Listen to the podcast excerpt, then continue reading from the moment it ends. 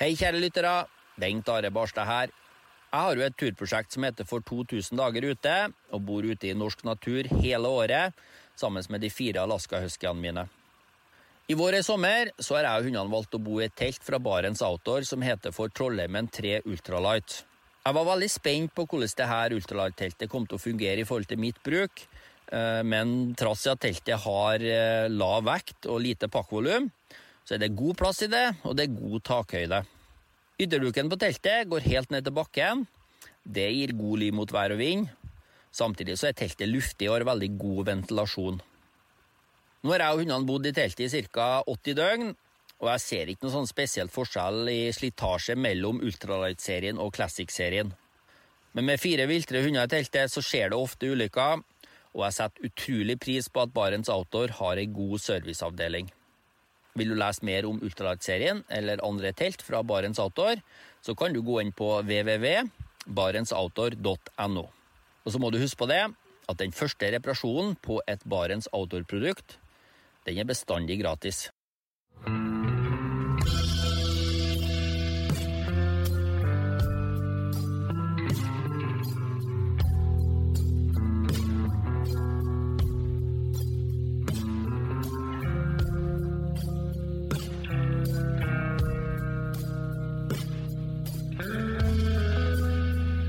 Hei og velkommen til podkasten Uteliv.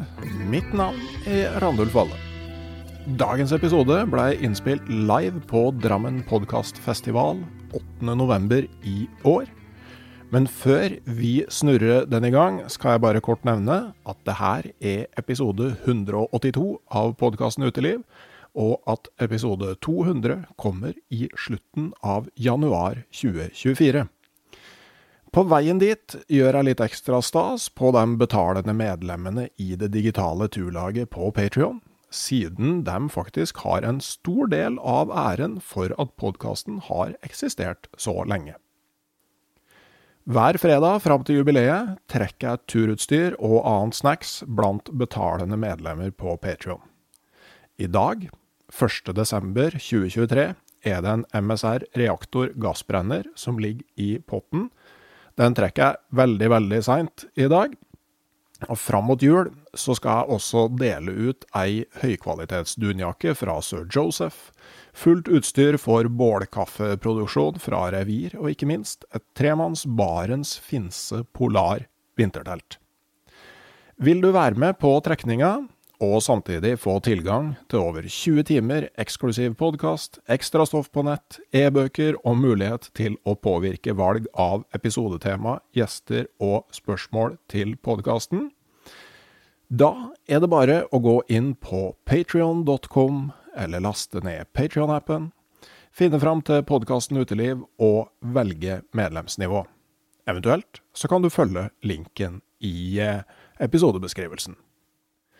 Det tar bare et par minutter å skaffe seg tilgang, og det koster deg noe mellom en kaffekopp på Narvesen og en øl på puben månedlig, avhengig av medlemsnivået du velger.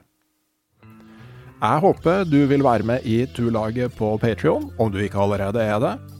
Men uansett, nå setter vi over til Drammen.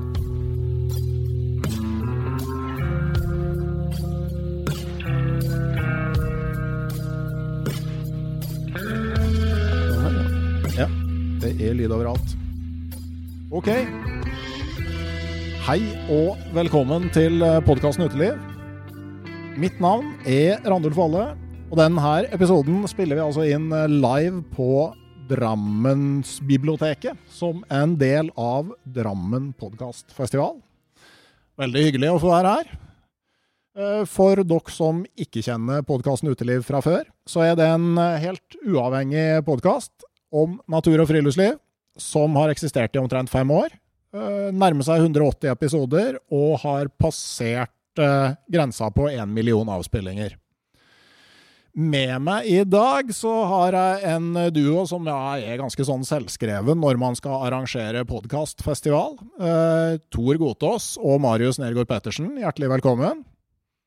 Takk for det. Mm. Går an å gi dem en applaus òg? Begge er etablerte forfattere med en umengde bøker til sammen på samvittigheten. Mye dokumentasjon av norsk kulturhistorie på forskjellig vis, begge to. Eh, nå er dere aktuelle med bok sammen.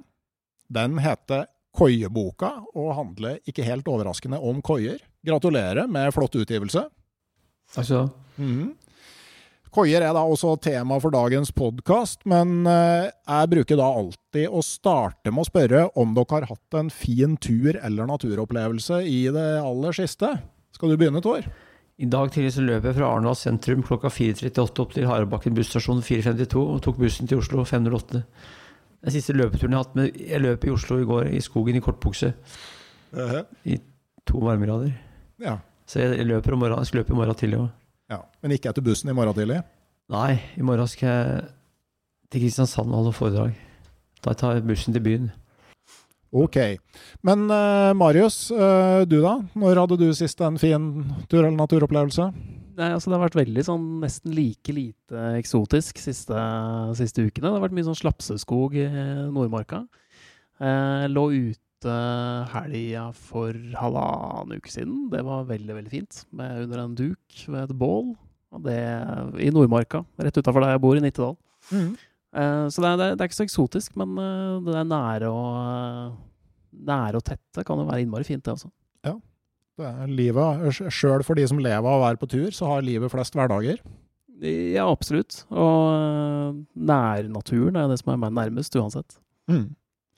Men eh, altså, bok om koier, hvor, eh, hvor kom ideen fra? Hvordan ble samarbeidet til? Det var vel en prata nede i NRK, var det ikke det? Nei, altså det, det var egentlig altså jeg, jeg skrev en bok om hemmelige hytter som kom ut for fem år siden. Og så husker jeg at vi var på et julebord en gang. På Gyllendal Forlag, som begge to er tilknytta. Eh, og hvor den koieboka også da til slutt er utgitt. Jeg tror det var et julebord. Og så sa Thor at han også hadde liksom lyst til å gjøre noe om koier en gang. Og så, ja, jeg kunne også gjort noe mer om det litt mer sånn offisielle koier. Altså hemmelige hytter handla bare om veldig veldig uoffisielle ting. Så ting som ligger under en stein og en rotvelt til skauen en plass. Uh, og så var det vel egentlig bare forbifarten i noen NRK-korridorer en gang. Vi, nei, men ideen fikk vi da, og da du sa det, så vi møttes i NRK. Og da prata vi mer. Ja, Så jeg hadde gått og ruga på den ideen, jeg òg. Du hadde kanskje gjort det, du òg? ja altså, altså den der ideen om å gjøre et, et eller annet, det var jo såpass uspesifikt, da. På, på norsk, norske koier. Eh, koiehistorie. Eh, hadde begge to hatt, og så og så, ja, så begynte vi å prate om det, og Thor er jo verdens mest effektive fyr. Eh, og eh, plutselig så var det en bok der. Jeg, jeg mener husker huske du har fortalt at eh, på første møte så hadde du en krøllete lapp med åtte stikkord, og Tor hadde 42 ferdige sider. Jeg tror du begynte med å si at vi, vi snakka om å skrive 75 sider hver. Ja. Og nå har jeg skrevet 50. Så det 52 på første møtet vårt. 52 sider lag da. Ja. Det, det var planleggingsmøte for boka. Ja. Jeg begynner jo bøker med forordet. vet du. Skriver forordet først, og så, og så jobber jeg videre. Så jeg liker jo egentlig å ligge foran skjemaet, men eh, det var jo for at jeg hadde tenkt på det i mange år, og vi har jo delt i to. Og jeg liker jo ikke ikke å samarbeide med noen, men Marius er jo så grei, og vi har delt det så greit at eh, vi har egentlig lagd eh, på hver vår måte hver vår bok som er vevd sammen uten at det går over hverandre, men samtidig utfører hverandre på en måte som begge er fornøyd med, tror jeg. Ja, dette er jo egentlig to bøker igjen. Det er en bok som handler om tømmerkoienes historie, ganske kulturhistorie knytta til det. Det er Thor sin, den Torsin-bok. Og så er det det som handler om dagens koier, og hvordan du finner og bruker dem, og hvorfor du skal bruke dem, som er min, min bok. Og så er dette her eh, miksa sammen til en sånn pytt i panne. Ja, men jeg, jeg, jeg syns det har funka, da. For jeg har jo bladd igjennom, og både sånn estetisk og sånn med leseopplevelsen, så, så er det jo ei, ei bok som handler om mye forskjellig, men det, men det, det framstår som en, en helhet. Det gjør det, og jeg har det som er svart-hvitt, han har det som er farger. Ja, og jeg skriver med historien om eneboer og skogsarbeider, og slutter omtrent i 1970. Så det er veldig Damene sier at boka ser lekker ut, jeg bruker ikke det ordet, men, men, men det, er, det har blitt finere enn jeg hadde håpa på, egentlig. I Sånn estetisk sett og innholdsmessig. For jeg, jeg, jeg var litt skeptisk kanskje til at det skulle dele i to på den måten, men jeg syns har Etter det vi planla, klart det som vi planla. Mm. Men hvis vi går til, til kjernen og essensen i det her, da. Altså, hva er ei koie? Det betyr jo trangt avlukke. Nedertysk koie. Og i Trøndelag så sier de kanskje stue, skogsstue. Bu kan de si oppe i Gudbrandsdalen. Skøyte i Telemark. Kule i, i noen steder i Oppland. Så navnet er jo forskjellig, men det finnes jo hytter, sånn som Ludden-hytta på Sjusjøen. Den er sju kvadrat, men vi kaller den koie. Og så hvis det koier på 30 kvadrat, så det er vel noe med at vi har definert hva som er koie sjøl, og så skriver vi ut fra det. Men det er lite, det er trangt, og mikrohus er ikke koie, men det må ligge i skogen eller fjellet. I Ja. naturen. Har du noe med bruksområdet? Altså, for jeg tenker Når du snakker om ei tømmerkoie, så tenker jeg ikke jeg nødvendigvis på et tømra eh, hus, men på et krypinn som er brukt når man hogde tømmer. Ja, det var mye jordkår òg, faktisk. Altså Utgangspunktet vårt er jo bygg som på en eller annen måte er brukt i noen nær form for næring. Og først og fremst da tømmerkoiene som er brukt i skogsdrift. Altså fløting, eh, hoggerboliger. Eh, det er utgangspunktet. Det er det som liksom var den opprinnelige tømmerkoia.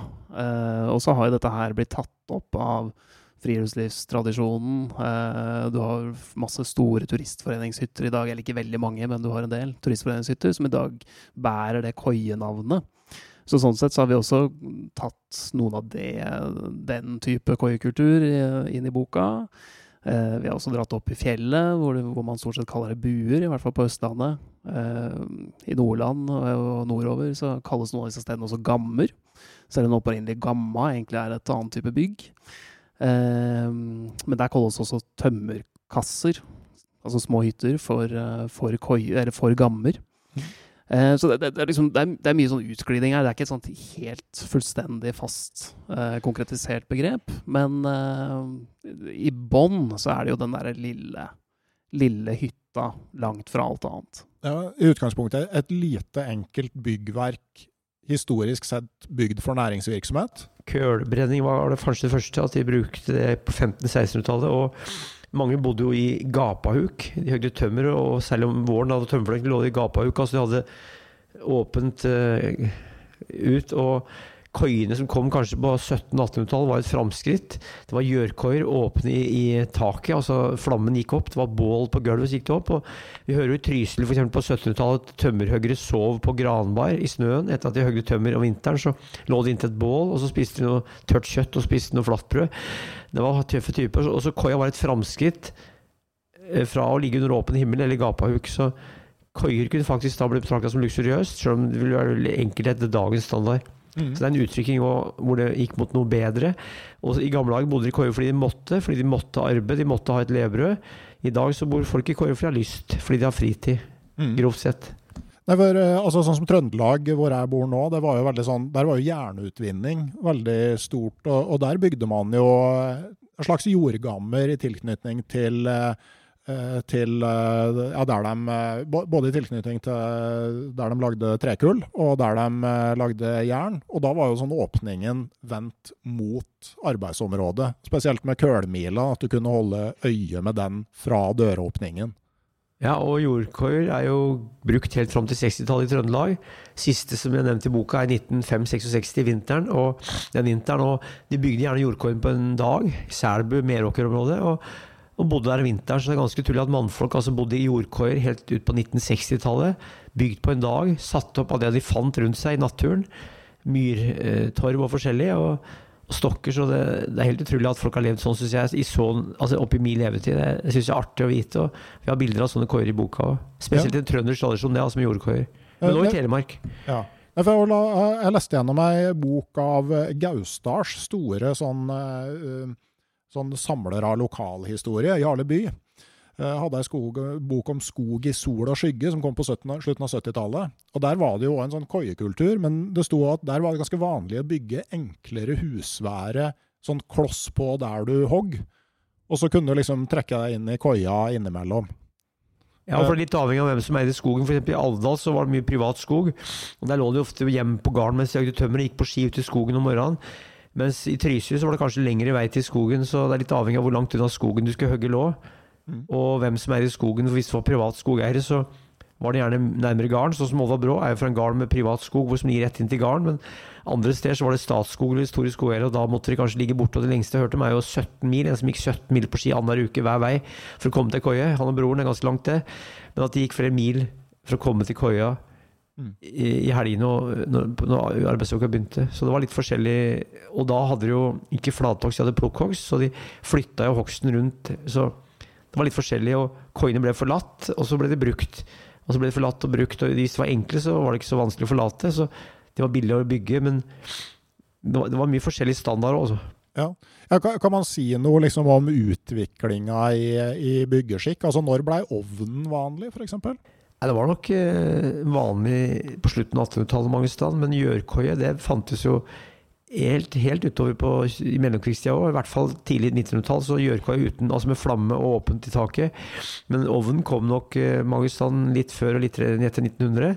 Og det var et framskritt. Det var bra. Da var det varmere i koia og mindre, eh, mer hygienisk. Og det er mange typer ovner, men du måtte jo lage mat. Fra å koke maten på flamme på et bål, så fikk du altså en kokeplate. Så det var, det var stas. Og du må se hvordan det var eh, før. Hvis du ser på 1923-standard, så var det bedre enn det var i 1873. Og 1873 var bedre enn 1823. Og i 1783 var det kanskje ingen koier i det hele tatt, så det gikk mot det bedre, selv om det ser gammeldags i dag sett i ettertid. Ja, ja. eh, definitivt. Men jeg tenker jo det er forskjellen på å ha ei gjørkoie med høl i taket. Da. Altså da, da varmer du deg jo i stor grad opp på strålevarmen fra bålet, og når bålet slokner, så fyker jo all varmlufta ut av taket med en gang. Ja, Mm. det var jo folk som levde sånn, og jeg sier jo grisen har det bedre i dag. så det er jo historien om Elling Rønnes i 1906, tryslingen som bodde i Gjørkøy og gikk på ski om natta fra Trysil til Rena. Seks mil, fem mil, og gikk vant femmila.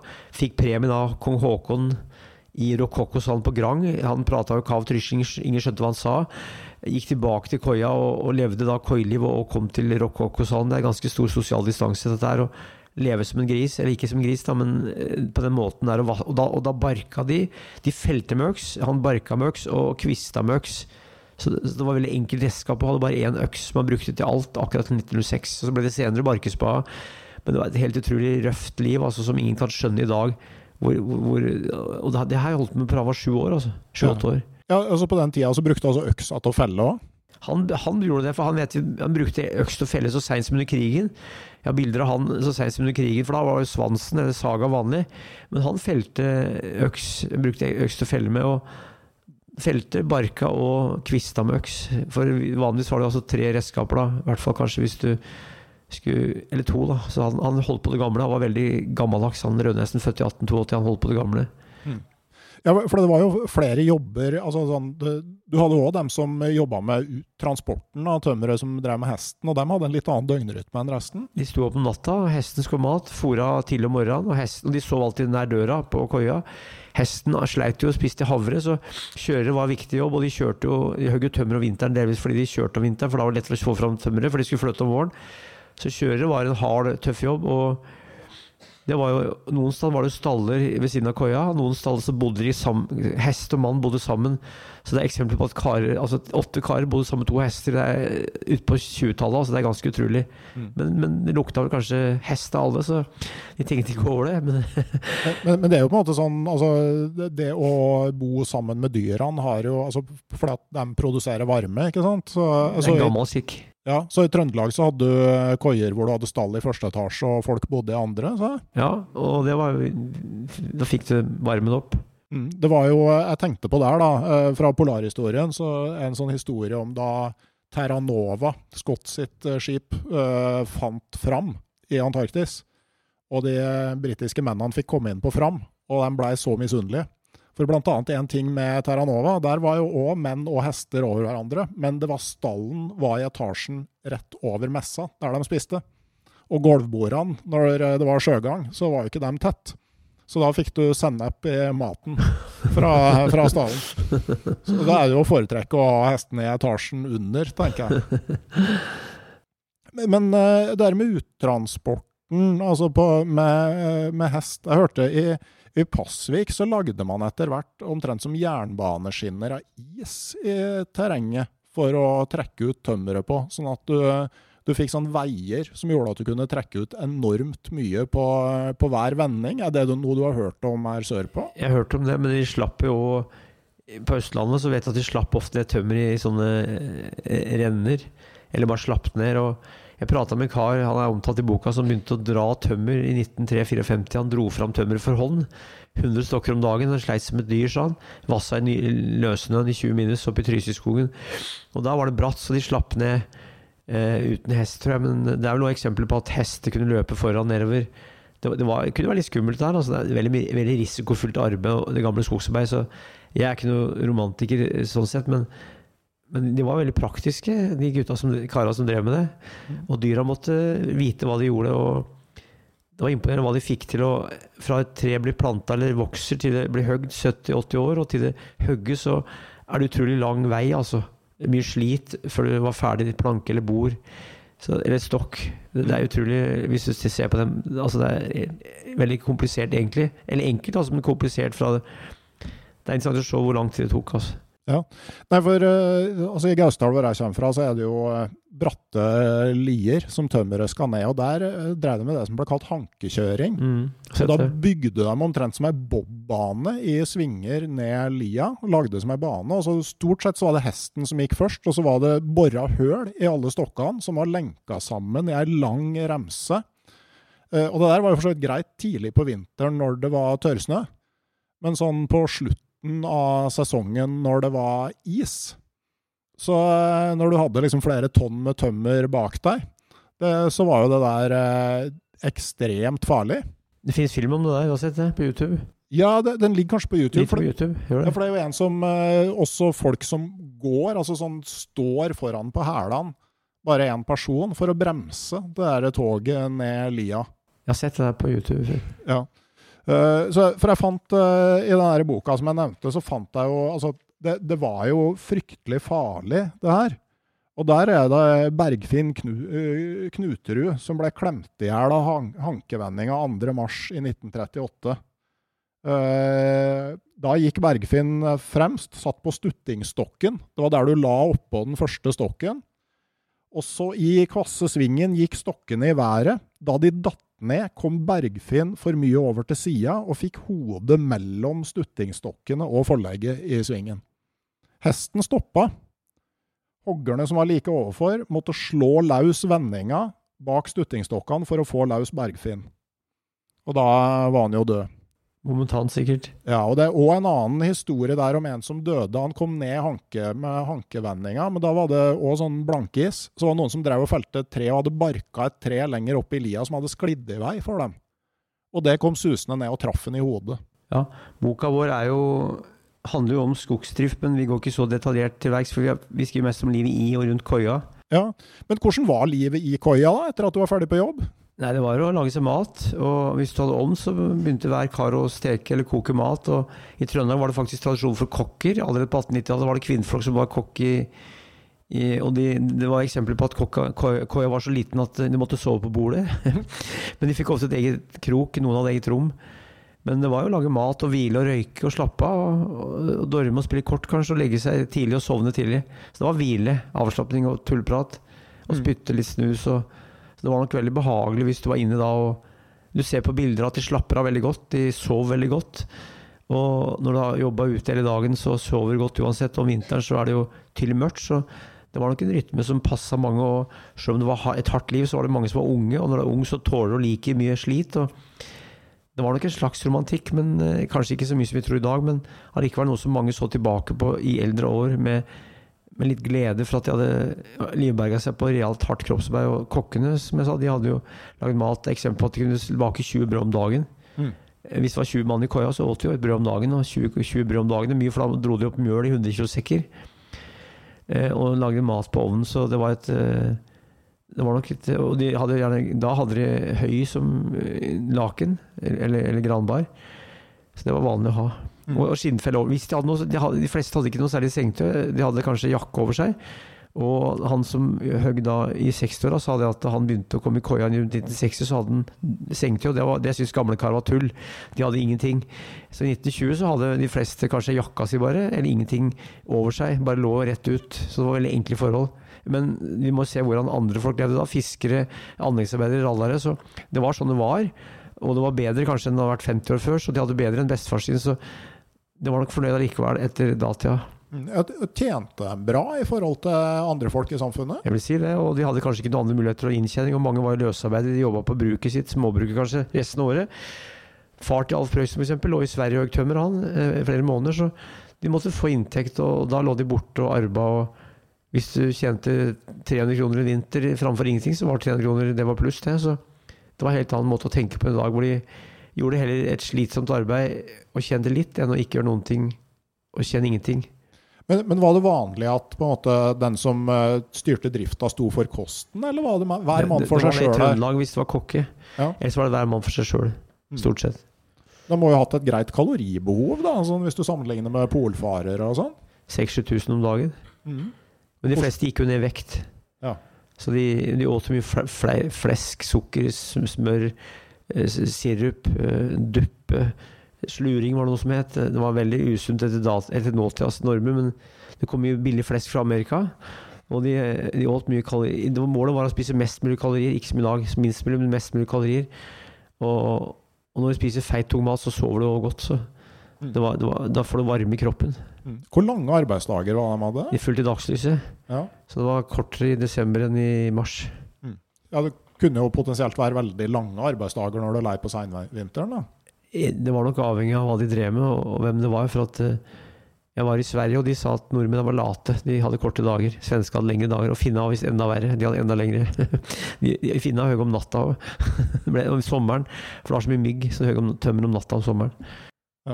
Det er jo ikke overraskende at det er finnene som liksom eh, som leder den kampen om å stå på hardest. da. De var hardest i alt. Ja.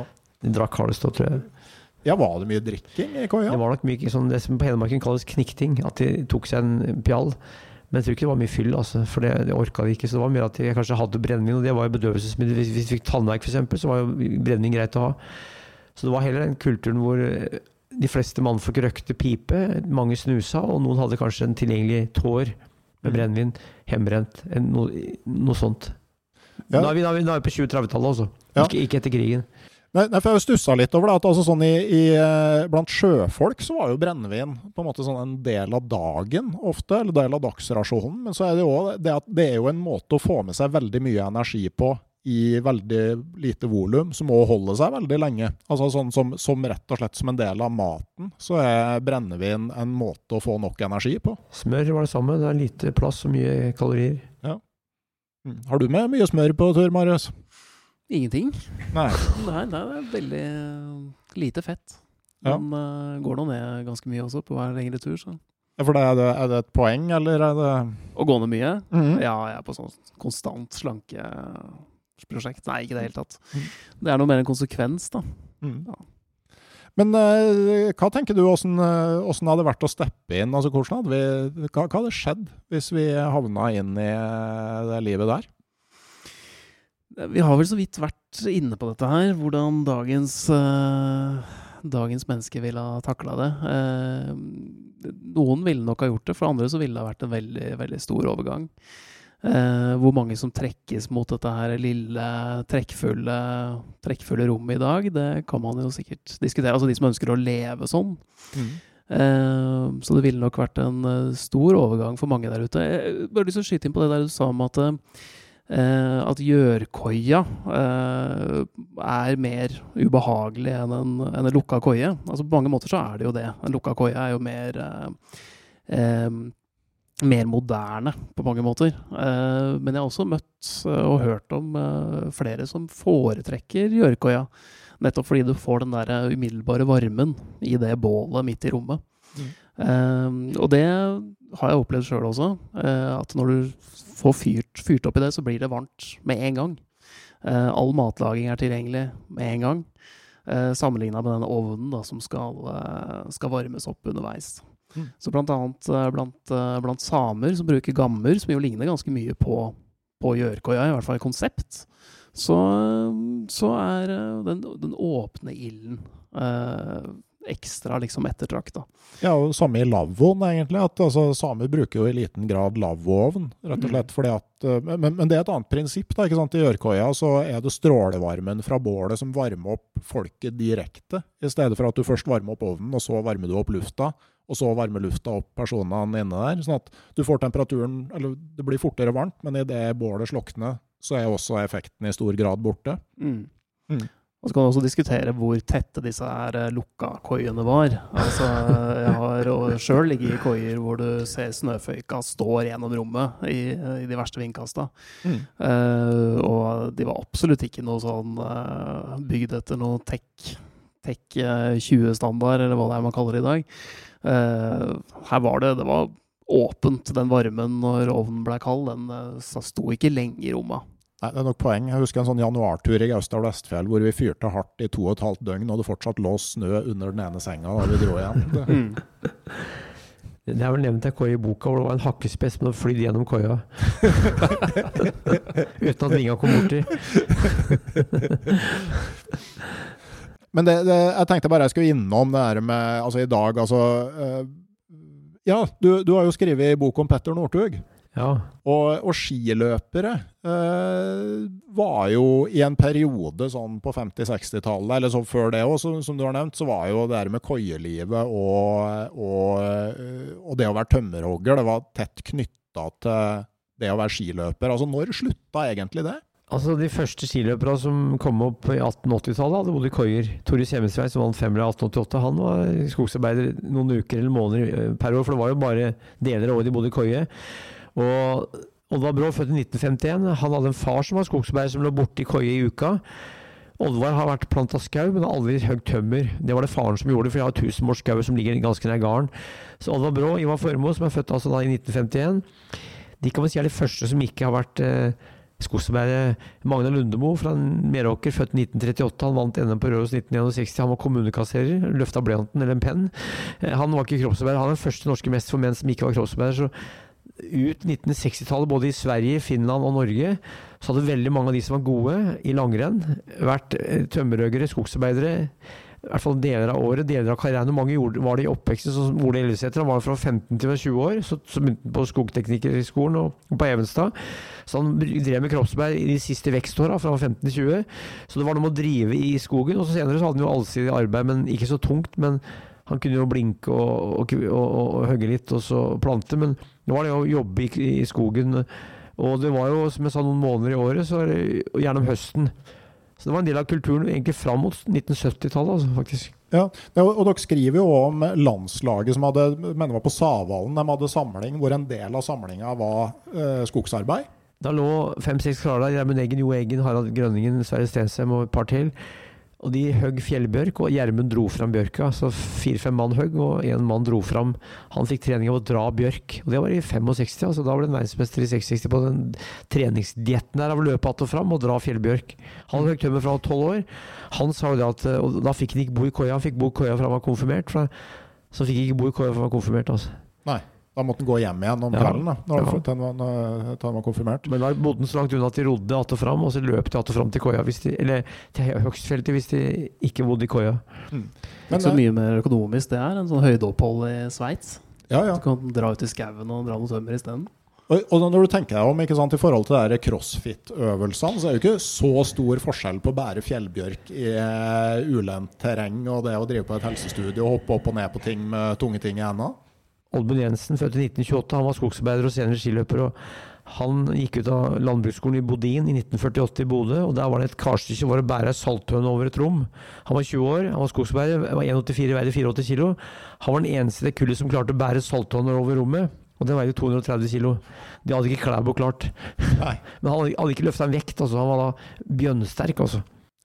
Men eh, hvordan tror du eh, Petter Northug hadde hatt det i ei eh, koie blant skogsarbeidere? Han hadde passa perfekt inn. Best var jo øh, skogsarbeider og bygdas sterkeste mann, Petter Northug senior.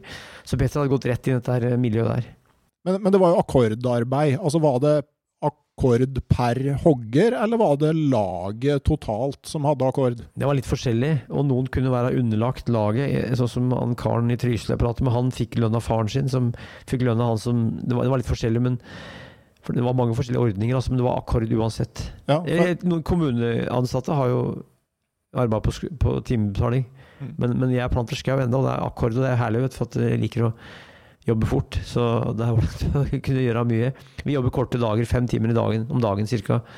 Så mange arbeider kort og hardt, eller ikke så lenge, men ja, fikk allikevel en grei lønn. Eh, men jeg tenker jo, altså, hvis det er sånn akkord på eh, teamet samla, så ser jeg for meg Petter Northug med det konkurranseinstinktet. Kunne, kunne, være, kunne være litt sånn stressende å være på samme arbeidslag som han. da. Kan tenke meg det, ja. Mm. Vanskelig å, å henge med i, i, i svingene. Men eh, det var jo òg altså, For skogsarbeiderne så dro man hjem i helga, ikke sant? Stort sett, ja. Noen kjører var der i helga for at de skulle fôre hesten. og eh, Noen var kanskje annenhver uke hjemme, noen var hjemme hver uke. Noen var hjemme lenger hvis de bodde langt unna. De kunne ligge der flere måneder, men det var litt avhengig av hvor langt unna de bodde. Og kanskje hvor gammel de var. Hvis noen var ungkar og hadde ikke kjerring og unger, og da dro de ikke hjem. Så det var litt avhengig av forskjellige ting. Men så, så jeg skrev dere i boka om, eh, om eh, noen som rett og slett hadde koiene som, som bosted. Eh, og, og der er det noen uh, karakterer. Jeg eh, beit meg merke i mannen med eh, kallenavnet Josef Helvete. Har du hørt om han før, Marius? Altså, nå må du bare være klar over hva du setter i gang Tor med. Da, da kan vi sitte her til i morgen. Jeg skal ikke prate så mye, du kan prate litt du òg.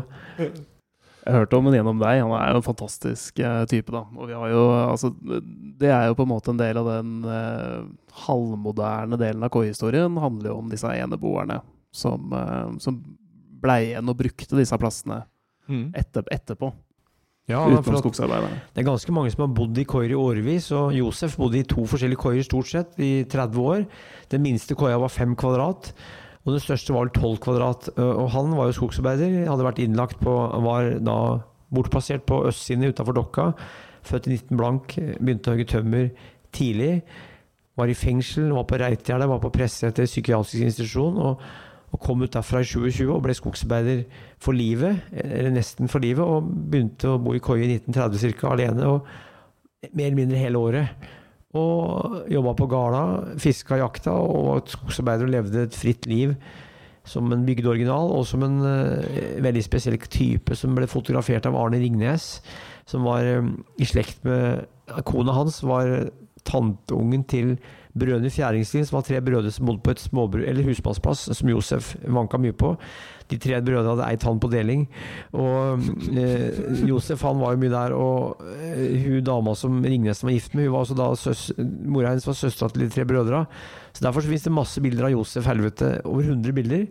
Han har etterlatt seg 21 000 bilder av Ringnes, og, og masse bilder av det miljøet der som var Bildene er tatt fra 40-tallet oppover. Utrolig fine bilder, altså.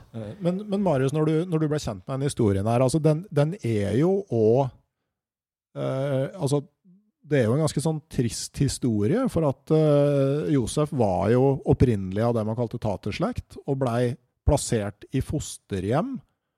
Og eh, liksom ble plassert på sinnssykehus fordi han viser tendenser til å kanskje begynne å vandre igjen. Eh, hva tenker du om liksom, den delen av historien? Tenker man på å romantisere det. Og sånn som vi, vi, vi gjør, prøver, vi gjør jo ikke det, føler jeg. Eller du som har skrevet disse kapitlene, gjør jo ikke det om disse her. Men eh, det er klart at det er en del psykiatri. Eh, kan være i hvert fall en del psykiatri med disse som velger å bo på denne måten. Og vi har jo eksempler på det fra utafor Oslo også. Eh, folk som valgte å bosette seg i Oslomarka. Eh, her også, ute i Drammensmarka, med folk som har bodd bodd fast i lange perioder i bitte små sjølbygde sjølbygde hytter med Mm. jordgulv. Helt fram til 1980-tallet så var det en som gjorde det i Grefsenkollen utafor Oslo. Ja. Um, og han blant annet valgte jo, valgte jo det som følge av eh, nerveproblemer og, eh, og psykiatri. Mm. Men samtidig så ser vi jo med en del av disse eneboerne at det, det er en slags lindrende effekt i det livet som de velger å leve. Eh, de har ikke behov for det store sosiale fellesskapet som samfunnet er. De trekkes mot, mot naturen, mot ensomheten. Eh, og finner det de leter etter, i et sånt bitte lite byggverk. Mm. Um, så man, man skal på en måte være litt forsiktig med å romantisere det som en sånn slags heltehistorie om uh, menn ofte, da, som trekker, trekker ut. Men uh, samtidig så skal ikke bare se på det som uh, en trist historie. Det er også folk som faktisk finner en slags, Mm. finner en slags mening med et liv som kunne vært verre i, i storsamfunnet. Jeg har jo, jeg kjente jo en kar som bodde i ei sånn koie fram til 94 oppe ved Sognsvann.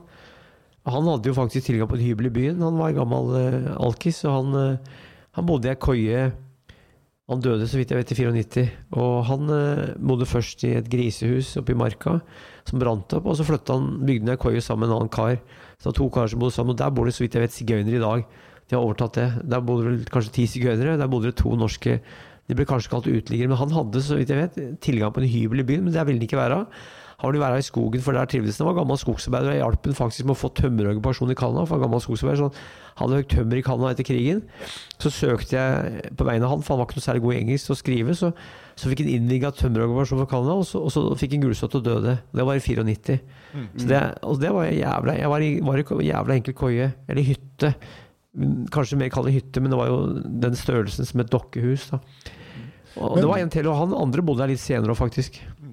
Men, men det jeg tenker på med Josef der, da at, altså Jeg tenker at jeg syns ikke det virker som han var Som han var mentalt sjuk. Altså Han blir plassert på et sinnssykehus fordi at måten han ønsker å leve på, blir på et vis definert som uønska av uh, storsamfunnet. At det på en måte ikke ville ha et fast bosted, det å ville leve på loffen At sånn for å bekjempe det, så bruker man omtrent psykiatrien som et slags våpen. da. Han var jo per definisjon definert som litt sjuk i og med at han var tater, og det ble sagt at de hadde en sjukelig trang til å gå som ble kalt vagabondering.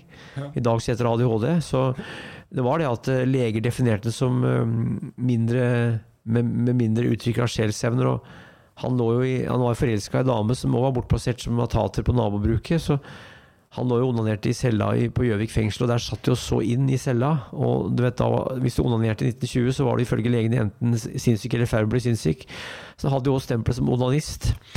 Og det er ganske spesielt. Men han var jo på Reiter, og det var, ikke noe gærent med han heller. Var han litt spesiell, kanskje?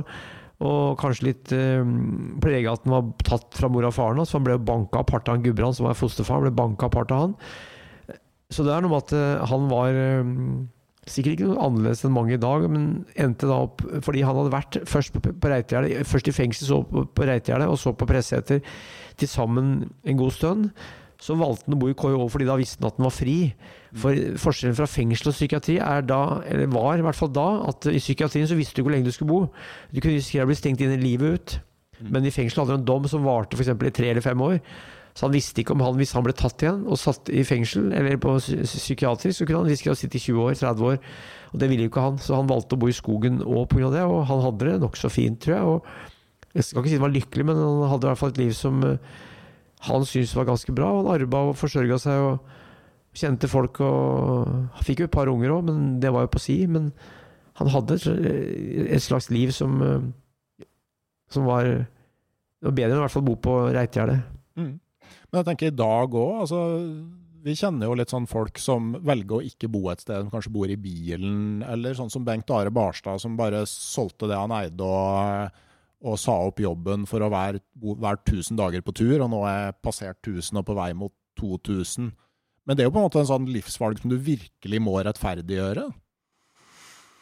Ja øh, sånn, sånne Altså, en, det er en tendens til at en del som gjør det i dag, de konseptualiserer det på en eller annen måte. Eh, setter det inn i en slags sånn prosjekt og prosjektsetting, hvor man har et mål og en start og et mål. og eh, Jeg kjenner ikke så mange som dras mot den der eh, helt sånn Her bor jeg. Jeg bor aleine ute i skogen. Det er bare fordi jeg ønsker å, ønsker å gjøre det. Ehm, så jeg vet ikke om, om det kan sammenlignes helt med disse her gamle, gamle eneboere. Nei, Eh, men ja, du tror ikke det er noe av det samme som ligger der? Litt av forskjellen er jo det at hvis du tar Josef som begynte å hogge tømmer i 1930, da var skogen full av folk faktisk om vinteren. For da var det gjerne 10-12 mann i koia. Det var, I det området var det hundrevis som drev i tømmerskogen om vinteren. og det var mange som var på gala og jobba, så han var med i gardsarbeid. Så det var ikke så ensomt, tror jeg, som vi kanskje kan tro i dag. Og det å ha ei koie for seg sjøl, for det var gratis å bo i koie. Han betalte jo ikke husleie, hadde ikke strøm, hadde ikke vann. Hadde vedkubbe som huepute. Så han, han, levde veldig billig òg. Og det var, det var, nok fritt på en måte som uh, passa han veldig bra. Og i dag så har vi jo Vi har jo så mye velstand og så mye sikkerhet at hvis du gjør det her i dag, eller noen lignende, så så blir det, som du sier, mer, mer et konsept, og det er jo greit, det, men Men jeg skjønner jo hvor du vil også. Altså, det kan jo hende at eh, Josef hadde vært uh, influenser i dag. Uh, og ligget og posta på Instagram rett fra, rett fra koia. Det hadde slått helt fullstendig an. Bare se for deg liksom Instagram hashtag Josef Helvete. Men uh, hvis vi holder oss da over til, på en måte, til litteraturen For at altså, koia er jo òg litt sånn derre gjentagende i en del sånn villmarkslitteratur? Det er ganske, ganske, mye litteratur som går på den der uh, ensomme personen som ønsker å trekke ut, og som uh, sitter på et sånt ensomt lite sted og reflekterer over tilværelsen og livet. Og, og det er jo helt sånn tilbake til uh, Thoreau, amerikansk forfatter som skrev på 1860-tallet, så vidt jeg husker. En bok som heter Valden. Eh, som handler om eh, livet i skogene, som også er undertittelen på boka. Eh, som jo er en sånn selvbiografisk sak om Tråd som flytter ut i en bitte liten hytte utafor et Eller vekk fra et tettsted. Concord, ikke Massachusetts? Ja, og som bruker tida der på å sitte og snakke om at at samfunnet har blitt altfor stort, og det krever altfor mye for oss. For, eh, vi, vi, bruker altfor mye, og økonomi, økonomiske presset er altfor stort. Og dette er på 1800-tallet. Mm. Eh, og han eh, Det er blant annet en scene der hvor han står og, så, han står og ser på en kasse. Jeg tror det er en sånn kasse med sand. Og, eh, og, fantaserer om at hvorfor kan ikke han bare bore noen hull i den kassa, så kan han bo, bo inni den. Den dekker egentlig alle behov han holder seg, i hvert fall Hvis han fyller det med en halm, og sånn, så kan, holder han varmen og uh, holder seg tørr der inne. Um, så allerede på 1800-tallet så var det noen som så på dette her som en sånn kontrast til, til storsamfunnet. Og så har de jo på en måte finner vi det samme gjennom uh, norsk litteratur også. Cappelen, uh, som skrev boka Aleine med Vidda. Peder Cappelen. Bra bok, det. Som, eh, som, egentlig på en måte setter seg selv i den samme type setting. Den ensomme mannen som eh, reflekterer over naturen. Mm. Fram til Stein P. Aasheim har kommet ut med en bok i fjor som uh, heter 'Fjellene har meg nå'. Hvor han bor i en koie, det han kaller for en pelsjegersimulator, oppe i fjellet på Vestlandet, og også lever noe av det samme livet. Forskjellen med Stein er jo at han erkjenner at det her eh, bare skjer i hodet hans, egentlig. Ja. Han snakker om å dra inn til handelsposten for å selge årets fangst, og det er én eh, mår. Men Torå var heller aldri veldig langt unna, unna samfunnet som har prøvd å komme seg unna. Nei.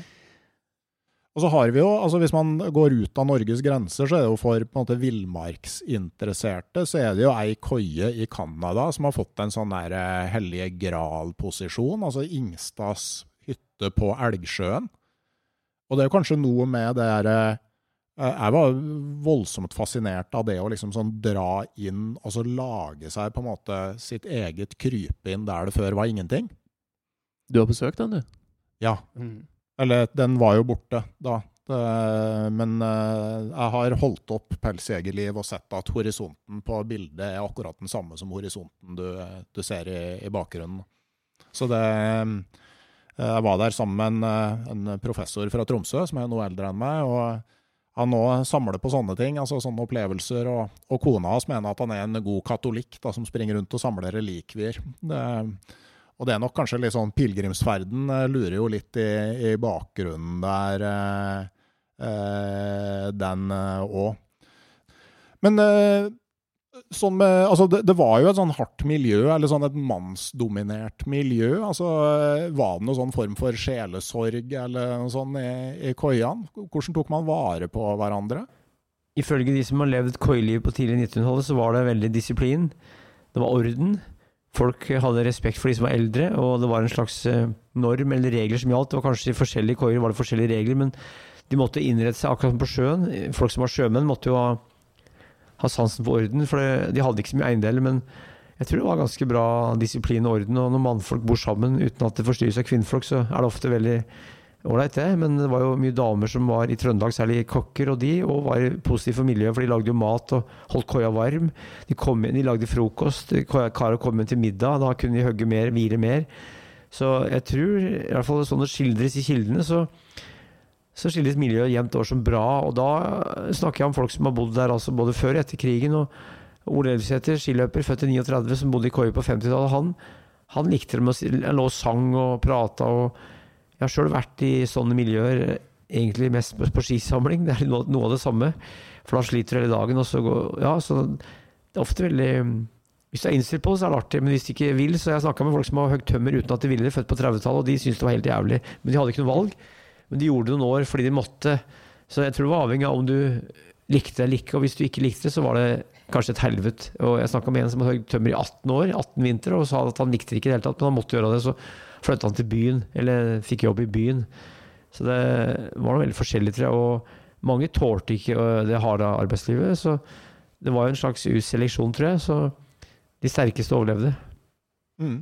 Men, men, jeg så og dere skrev om ikke sant, jeg tror det var Meråker Bruk som i etterkrigstida begynte å liksom virkelig heve standarden for mat og, og stell. Og dem hadde faktisk skjønt det at altså, det her er ikke veldedighet, men uh, hvis vi behandler tømmerhoggerne uh, ordentlig, så, så, er det faktisk ganske lurt for vår del òg.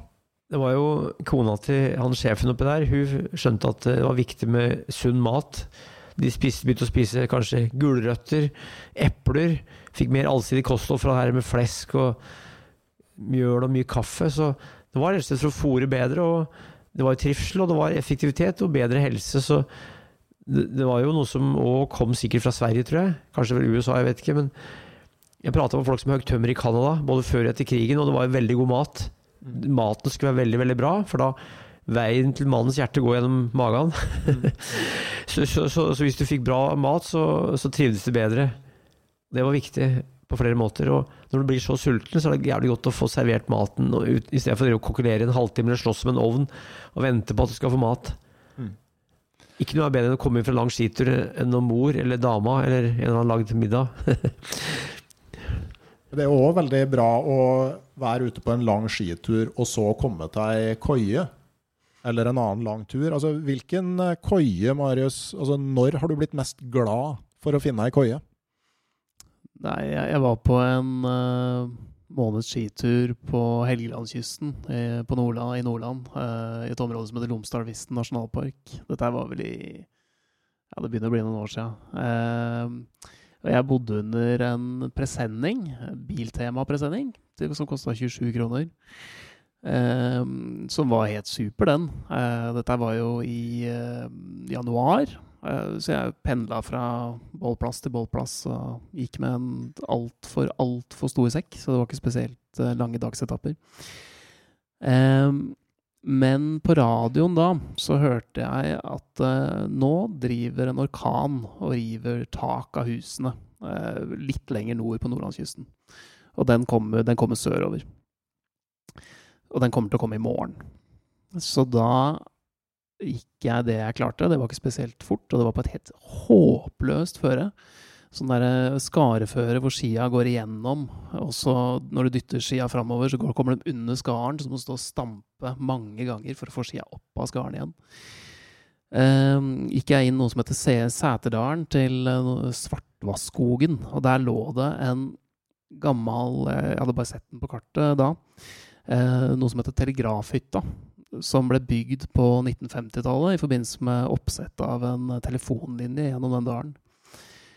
Eh, og den telefonlinja var tatt vekk for, for flere tiår siden, men den koia den sto igjen der. Og eh, I hytteboka der så var det jo ikke Dette var jo ikke noe luksussted i det hele tatt. Det hadde ikke vært folk der på et halvt år når jeg kom, og dette er et av Norges mest øde områder, så det eh, var veldig sjelden, sjelden folk der. Eh, trekkfullt, eh, kjempelite luksuriøst, selvfølgelig muselort overalt. Og, men det stedet der ble, det var et luksushotell når den Den hadde nok dempa seg litt. Det var nok en full storm som kom når dette her eh, uværet til slutt, til slutt traff. Men det var utrolig godt å bare få lov til å ligge der inne. Jeg husker jeg, jeg lå på Det var to madrasser der. Den ene madrassen lå jeg på, den andre brukte jeg som levegg mot, mot veggen for å ikke få snø i ansiktet i løpet av, i løpet av natta. Var, rommet ble jo fullt av snø eh, i løpet av dette, her, eh, dette uværet. Mm. Men likevel, altså et spahotell sammenligna med hvordan det ville vært å bo under den der biltemapresenningen. Biltema-presenningen. Ja, for man har jo på en måte tre- og firesesongers telt. Jeg vet ikke om det der var en tre- eller en firesesongers presenning? Det... det var nok en uh, grei vinter, uh, vinterpresenning på mange måter. Det var i hvert fall ut fra hva man skal kreve av en Biltema-presenning til 27 kroner. Var det tørr ved der, da? Uh, det, ja, det er altså masse fin, masse fin tørr furuved. Mm. Men hvis man har lyst til å dra på, på koietur, da, hvor skal man dra? Du kan dra hvor som helst i hele Norge. Uh, igjen, da må vi ned til det der definisjonen vår av uh, hva som er en koie. Men hvis vi snakker om enkle byggverk i, i naturen uh, som står tilgjengelig, så kan man dra hvor som helst i hele Norge. Det står tusenvis av dem der ute. Vi prøvde et slags anslag. Kom til mellom 5000 og, 5 og 10 000. Det er mer, mye mer enn det, vet du. Ja. Tror jeg. Mm. Og så sant, Da er vi over på definisjonene. Hva som defineres som bu, hva som defineres som gamme og sånne ting. Men, men eh, det er enormt mange, og mange av dem er altså åpne og helt gratis å bruke. Eh, Statskog har 250 hytter på sine eiendommer. Og noe av det er større bygg enn det vi definerer som koier, men veldig mye av det er gamle, tradisjonsrike tømmerkoier.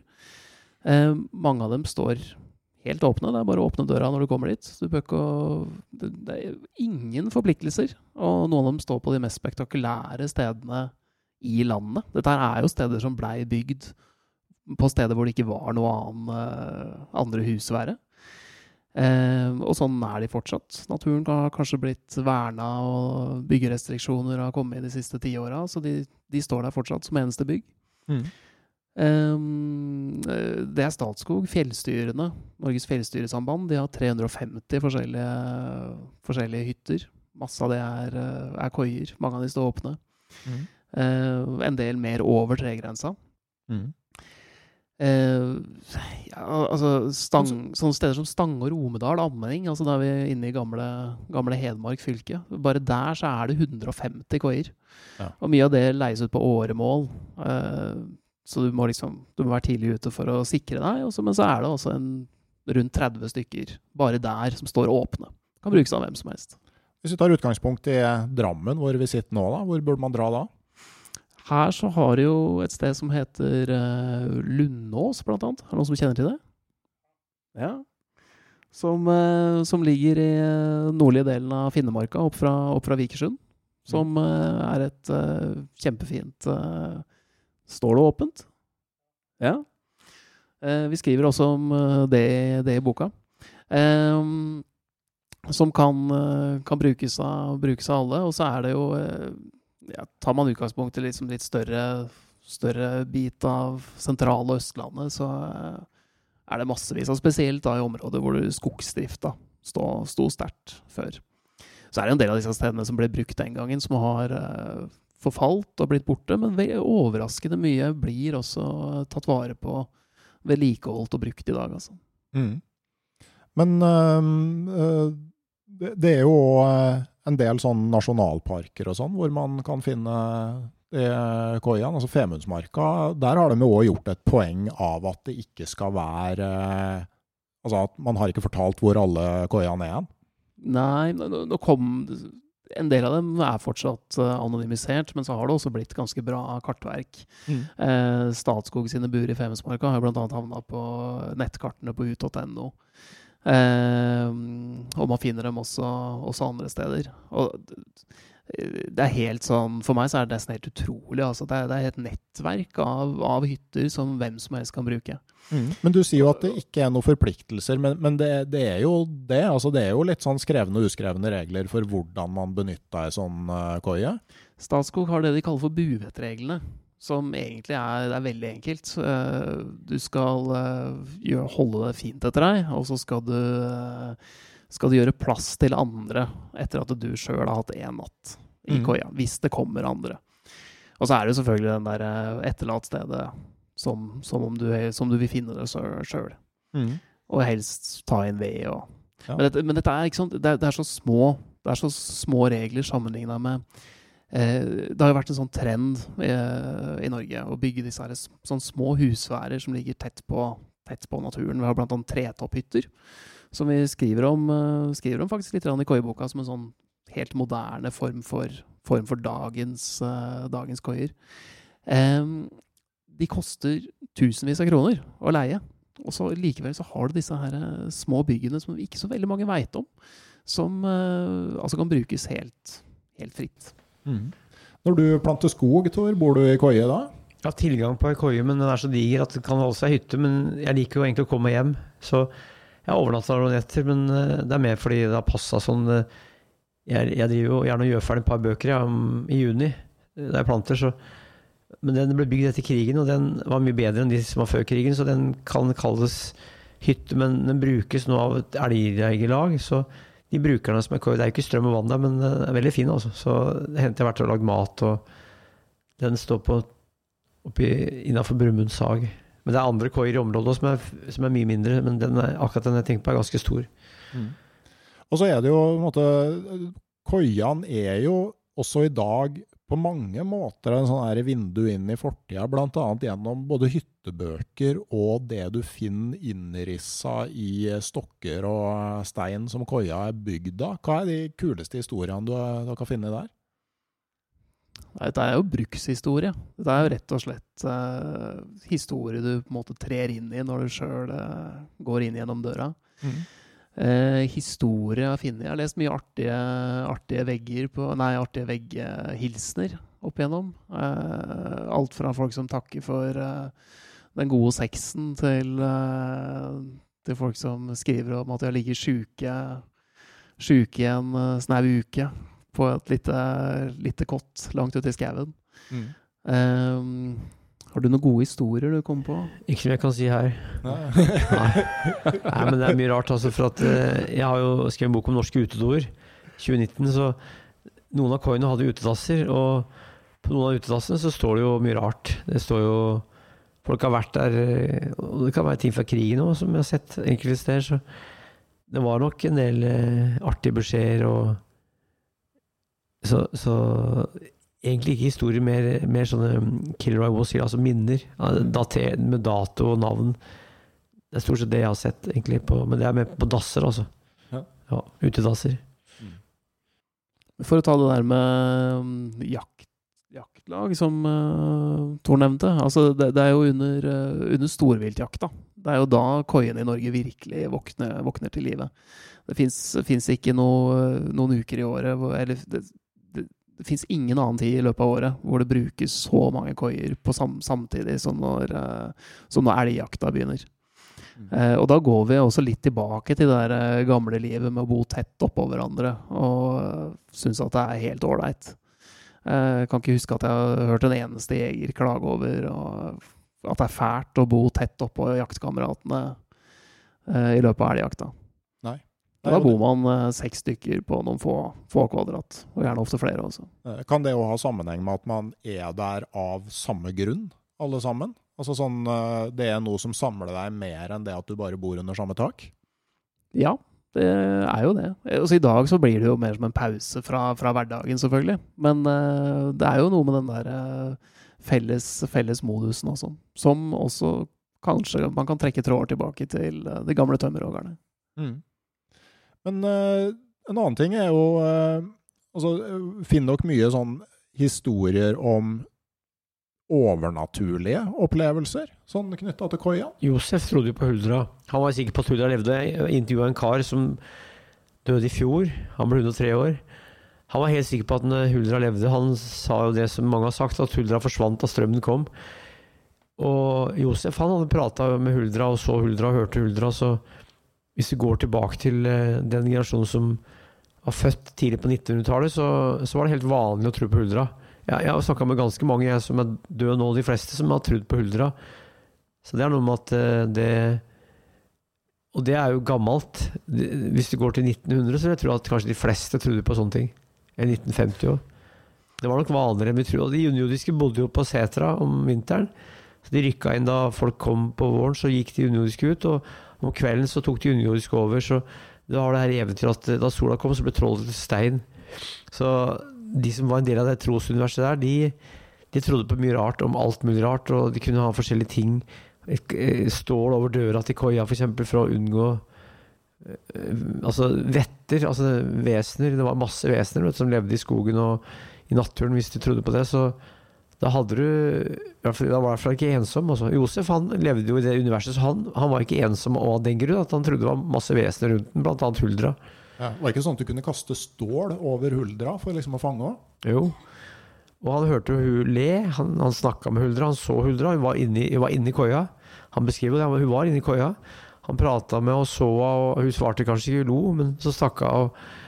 Altså, ja, han som ble 103 år, han, han var helt seriøs. Altså, var, jeg, jeg, lo litt av det, men, men det var helt seriøst. Altså. Huldra Det er noen som tror på Ja, du vet, fins jo religioner som jeg mener bare er tull. Det, jo, det er ingen som har sett verken den ene eller andre, men så det er jo litt av det samme. Altså, det er bare at folk tror på ting som de innbiller seg. så det unger kanskje trodde på, eller det voksne trodde på hele livet, tror kanskje unger på i dag. Så unger kan tro på kanskje det i dag, de òg, men før så trodde folk på det hele livet. og Trosforestilling er noe som alle har, men om forskjellige ting. Og i dag så tror vi på noe annet enn de gjorde før, men kanskje tror på like mye rart og dumt som de gjorde for 100 år siden. De tror at de er så opplyste, men det er vi ikke egentlig. Men ja, mm. det er en egen historie, egen, det er en egen diskusjon det, om noe helt annet. Ja, men, eh, men, det er jo også altså det at det var knytta til sånn måter å gjøre ting på. Folk som ropte før de kasta varmvann på bakken, f.eks., så du ikke skulle forstyrre de, de underjordiske. Du, du, snakket til tomme hytter, Marius? Jeg snakker med meg sjøl, ja. Hvis jeg er uh, ute i et bitte lite uh, ja, Hovedeksempelet som du sikkert tenker på, er når jeg overnatta midtvinters på en uh, på en ødegård som lå i Nordland, eh, langt, langt, langt fra folk, eh, ved et vann som kalles for De dødes vann, for det er så mange som har gått gjennom der eh, opp gjennom tida. Dette er et sånn tidevanns Det ligger i kontakt med en tidevannsstrøm, så isen er veldig ujevn. Og det hadde dødd en hel haug med mennesker på det vannet. og når jeg lå der og hørte på liksom det smalt i trærne utafor og bitende kaldt, da, da, da, går jeg og snakker ja. Da, da sier jeg sånn uh, ja, Hvis dere er her nå, så det er helt ålreit. dere kan bare være her, dere. Men kanskje fint hvis dere ikke, ikke, viser dere akkurat nå. For det er ikke sikkert at jeg tåler. Men jeg, jeg, jeg overnatta en gang på en uh, gamme i, uh, i Nord-Troms. Uh, dette er en sånn dal hvor det ligger en stor samisk offerstein, og det er det er ganske mystisk der, da. Og da møtte jeg tilfeldigvis en, en same denne, eh, ved den her gamma, som skulle gå når jeg, når jeg, kom. Og han, etter at jeg hadde tatt inn og sånn, så sa han når han skulle lukke døra, at ja, sist jeg overnatta her, så Jeg skal ikke ta finnmarksdialekta. da. Så, så våkna han midt på natta av at, av at to damer krangla så det smalt utafor døra. Og dette er mot en stor stein, så han hadde hørt ekko liksom slå, slå tilbake fra steinen. Um, og det hadde vært et ordentlig sånn lurveleven. Så han hadde løpt til døra, åpna døra, og der var det ingenting. Mm. Og så tok, tok han i døra og sa 'god natt'. ja. så da snakka jeg også litt med meg sjøl og sa at det var greit. Ja. Bare, dere kan bare krangle, men kanskje ikke akkurat i natt. Og, og, der kan jo av og til hytteboka ikke nødvendigvis være din venn på vei inn i god nattesøvn. da. Det var i Sunndalsfjella. Jeg, jeg skulle på tur med jentene. Hilde, kona mi, var på jobb. Og da var det Alle hyttene til Sunndal fjellstyre var fullbooka lenge på forhånd, bortsett fra ei. Hvor det var masse ledig plass. Den tok vi. Og når jeg bladde meg litt bakover i hytteboka, så var det jo sånn gjentatte beretninger om at der spøkte det. Og det er jo Ja, jeg har tassa rundt altfor mye og driver med naturvitenskap og ser på meg sjøl som ganske rasjonell, men du blir påvirka av det, altså. Å lese det der. Men så vet jeg òg at uh, Jan Eilert Pedersen, som har vært gjest et par ganger i podkasten, han bodde ganske lenge i Kirkenes og mye på tur i Pasvik. Og blei litt lei at på en av de lettere tilgjengelige koiene så begynte det å bli veldig mye besøk. Så han satte ut et rykte om at det spøkte der. Og mm. plutselig så var det veldig god plass på den koia. Så det, det er jo et tips. Mm. Uh, og er man, er man, litt sånn uh, mystisk interessert, så er det jo bare gøy å oppsøke sånne plasser. Men mange av de her gamle, sånn som han gubben på 103 år, han var ikke redd for huldra. De, de var ikke Josef heller, tror jeg. De var ikke redd for det som noen vil kalle spøkelser. Så de syntes det var ålreit å ha de der, og kanskje et slags trøst, for da var du ikke ensom eller alene. Så. Litt sånn som å ha noen usynlige husdyr som gikk rundt. Så jeg tror det at uh, mange av de underjordiske før, de, eller vesenene, de, det var en del av en forestillingsverden som er umulig å skjønne for oss, for at vi er vokst opp med så mye såkalt fornuft og vitenskap og forklaringer på alt, mens hvis du ikke har de forklaringene, så er det utrolig hva mennesket har trodd. Og sånn har det alltid vært. Det å ha en rasjonell forklaring på mye som vi har i dag, det, det er ganske nytt for mennesket, egentlig. og rundt i verden i dag er det veldig mange som tror på eh, jævlig mye rart som vi vil bare ledd av, men de er kanskje av oss som tror på mye rart. Så mm. mennesker tror på mye mer rart enn det de skjønner sjøl. Selv. selv om de er smarte, så er det egentlig veldig har mye rare forestillinger. Altså. Ja, det er jo at det blir at uh, Vi er jo på en måte tilbøyelige til å lage oss en forestillingsverden som tjener oss. Og for dem, altså det å ha en, en sterk tro på at du hadde vesenet rundt deg som, som kunne fylle ensomheten. Det, det har sikkert vært en trygghet. Ja, og så Jeg vet jo det at hvis du Jeg har sjøl gått på ski og begynt å hallusinere og sett både lysglimt og hørt lyder, så hvis du er mye alene i skogen eller fjellet og sover lite, arbeider hardt, har for lite væske i kroppen, har lavt blodsukker, så kan du kanskje begynne å se og høre ting som ikke er der. Men hvis du da tror at det er bra, så er det kanskje en hjelp i det òg. Mm. Så jeg tror at da brukte de kanskje det som vi vil kalle overtro folketro. Det var kanskje en, etter deres mal en rasjonell måte å takle et hardt liv på, og ensomt liv på. Ja. Men, eh, men, sånn sett, da, ikke sant, eh, når vi nærmer oss slutten her nå, eh, hva er det vi sånn djupest sett søker når vi drar til sånn enkle husvær i villmarka som koier? Hva er, det vi, hva er det det gir oss? Jeg tenker at det er ganske individuelt, men det, det, det, mange snakker om, er at det handler om det å skrape vekk mye av det som er unødvendig. Uh, vi har jo fylt livene våre med enormt mye som vi ikke trenger.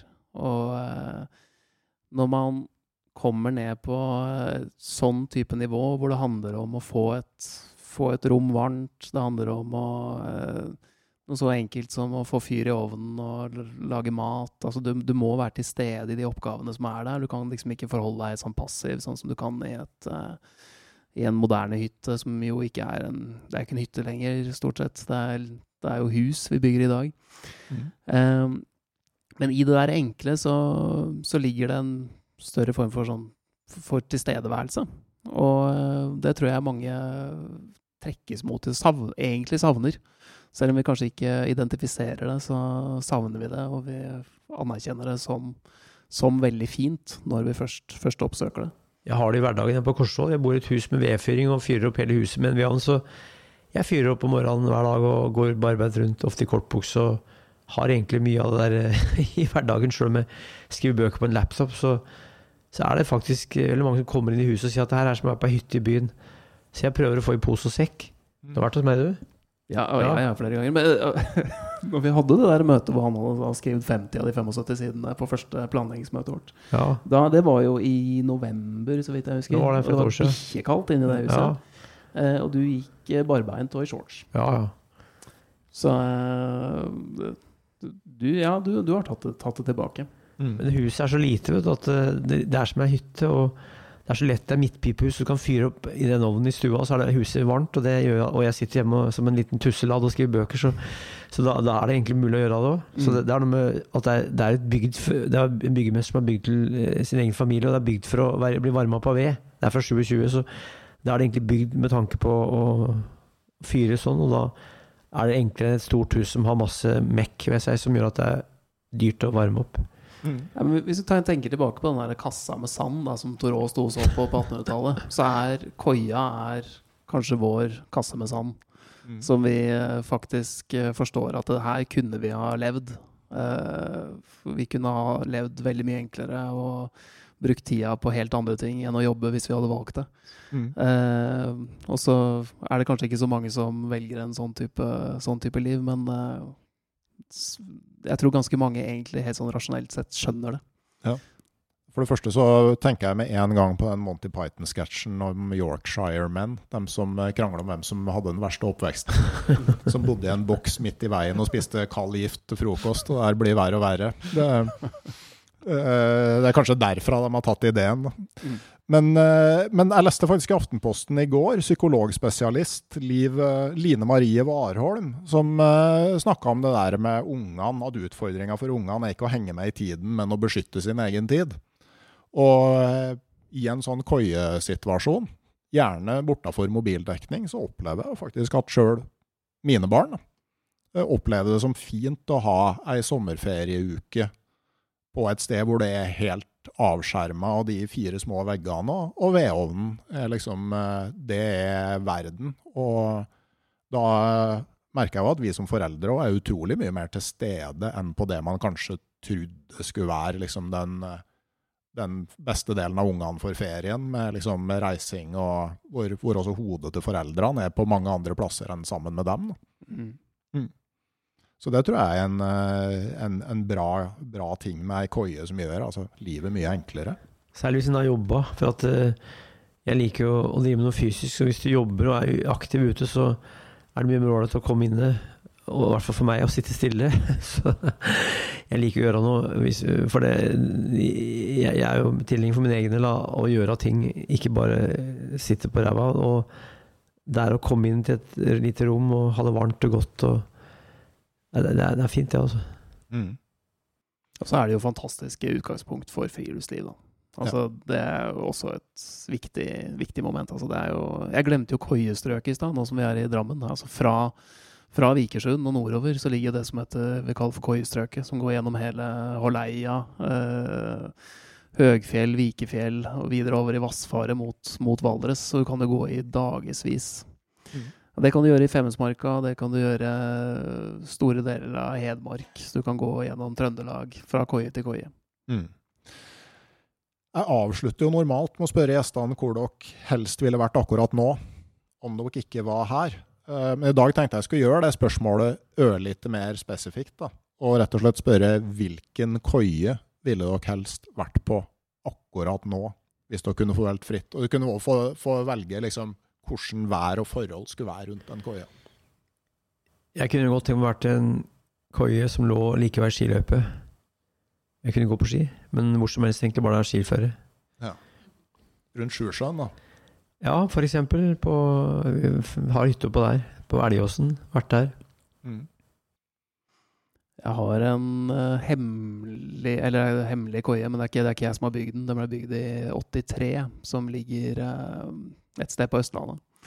Uh, Granskog et sted på Østlandet. Jeg må begynne å lete etter den. Uh, hvor det er plass til to personer. Og det er en ovn som er så effektiv at det blir varmt der på null komma niks. Og den uh, fungerer i Altså, det er verdens beste sted å bo. Når som helst på året. Så det er kanskje et sted et sånt drømmested som jeg svarer uansett når du spør.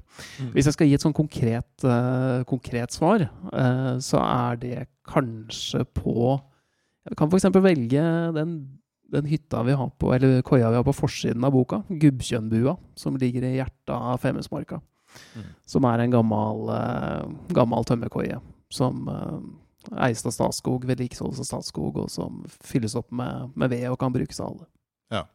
I dag velger jeg å svare på mitt eget spørsmål, jeg. Det er en sånn privilegium jeg har når jeg føler for det. Og eh, nå når det begynner å li ute i november, da er jeg helt sikker på at det er Pasvik som gjelder. Og jeg ville gjerne vært på Vestkoia.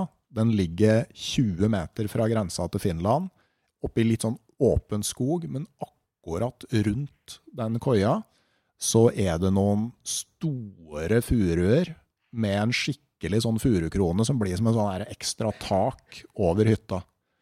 Den holdt på å eh, bli helt forfallen, eh, men har fått nytt tak. Og eh, er et fantastisk sted å, å, være nå i november, når isen har lagt seg på vannene der. Sjøl om du ikke har snø, så går det an å ta seg fram rundt i Pasvik. Høres veldig bra ut. Mm. Tusen takk til Tor Gotaas og Marius Nergård Pettersen for at dere stilte opp her i dag, og tusen takk igjen for, for den fine boka. Den eh, har jeg vært rundt i Oslo i dag og sett at eh, virker ganske enkel å få tak i. Også tusen takk til eh, Drammen podkastfestival, som eh, lot oss få komme hit, og ikke minst til dere som kom for å høre på. Som vanlig så takker jeg også de omtrent 600 personene som støtter podkasten Uteliv på Patrion med et månedlig frivillig abonnement. De er med å holde podkasten Uteliv på veien, og det samme gjelder min kommersielle samarbeidspartner Barents Outdoor AS. Da sier vi takk for oss her i dag, og så kommer det som alltid en ny episode av podkasten Uteliv fredag om ei uke. Ha det bra.